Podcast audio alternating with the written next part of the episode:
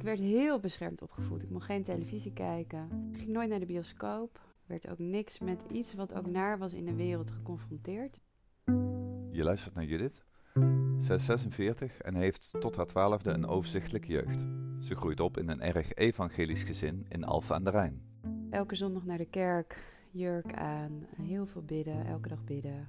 Uh, ik, ik bad ook echt heel trouw voordat ik ging slapen. Heel veel zingen, we zongen heel veel.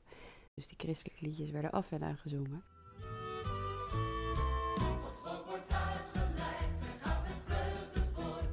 Het was eigenlijk heel warm en dat kwam denk ik ook omdat het zo'n zo'n baptiste gemeente was. Dus er werd echt gitaarmuziek gemaakt, dus alle muziek was lekker uh, modern. Dus het was niet zeg maar die, die hervormde of katholieke of die zware sfeer had je er niet. Dus dat was er wel heel fijn aan. En mijn vader preekte elke zondag in een bejaardentehuis. Daar werkte hij. Hij was stervensbegeleider, dus hij begeleidde mensen als ze sterven. Daar uh, preekte hij voor demente bejaarden. Nou, dat was echt een leuke, gezellige sfeer. En daar floten wij uh, op onze blokfluit. Dus het was eigenlijk, als ik er op terugkijk, was het heel, uh, heel prettig.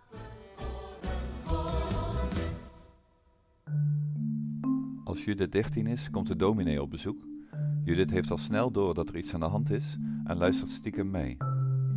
Ik kan terughalen dat ze voor het eerst in mijn leven haar stem verhefte. Mijn moeder was een hele lieve, zachtaardige vrouw. En ze, ineens hoorde ik haar ruzie maken. Ik stond boven aan de trap. En ze, was, ze schreeuwde echt van... Uh, maar ik ben Joods. En toen zei de dominee iets als... Ja, maar als jij nu overgaat tot dat Joodse geloof... of tot dat Jodendom... dan zal Jezus jou niet meenemen naar de hemel. Sowieso wist ik niet tot mijn dertiende, veertiende... wist ik niet dat ik Joods was... En toen zei ze: Als dat zo is, ik weet zeker dat Jezus mij zou troosten, want Jezus was ook een Jood. Judith wist niet dat haar oma na de oorlog had besloten om niet langer Joods te zijn en zich volledig op het christelijk geloof had gestort. Iets wat Judiths moeder met veel toewijding had overgenomen. Ik denk dat ze al eerder met mijn vader daarover hadden gesproken. Ik denk dat ze samen ook echt besloten, en mijn vader dus ook met haar, jij moet teruggaan. En dit, dit is eigenlijk wie jij bent. Voor mij kwam het vrij plotseling dat wij ineens naar de synagoge gingen, niet meer naar de kerk. Uh, eigenlijk alle feestdagen rondom het christendom niet meer gingen vieren. Uh, mijn moeder wilde ook, dat, dat zegt ze wel achteraf, ze wilde heel duidelijk naar ons zijn. Ze wilde niet voor verwarring zorgen.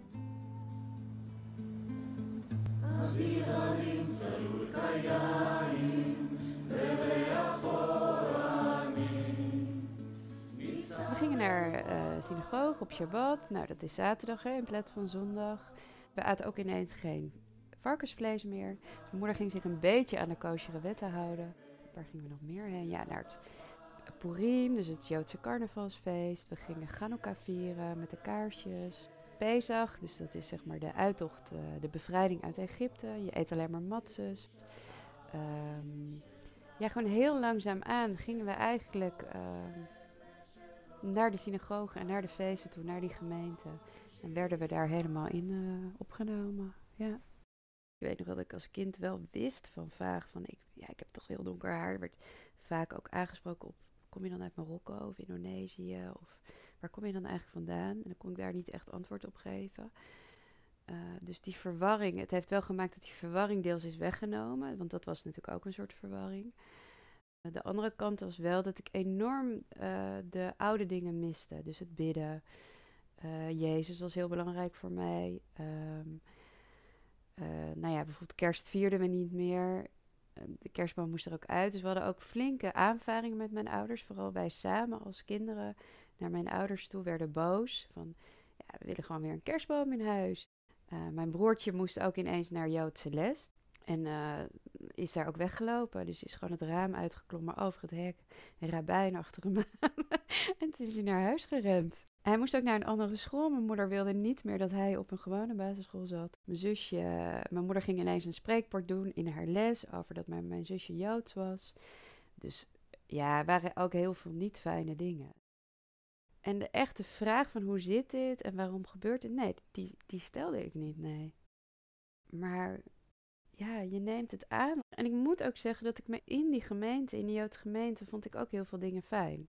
En ik denk dat ik ook voelde dat mijn moeder tussen haakjes thuis kwam. Ik heb me wel terugdenkend, denk ik wel van, hé, hey, maar dat deel wat zich niet thuis voelde, helemaal in de samenleving, of wat zich eenzaam voelde of anders, dat kan ik nu wel beter verklaren. Het is natuurlijk gewoon een bizar verhaal. En op een gegeven moment besef je dat je zelf in een bizar verhaal zit, terwijl je, terwijl je dat nooit beseft hebt.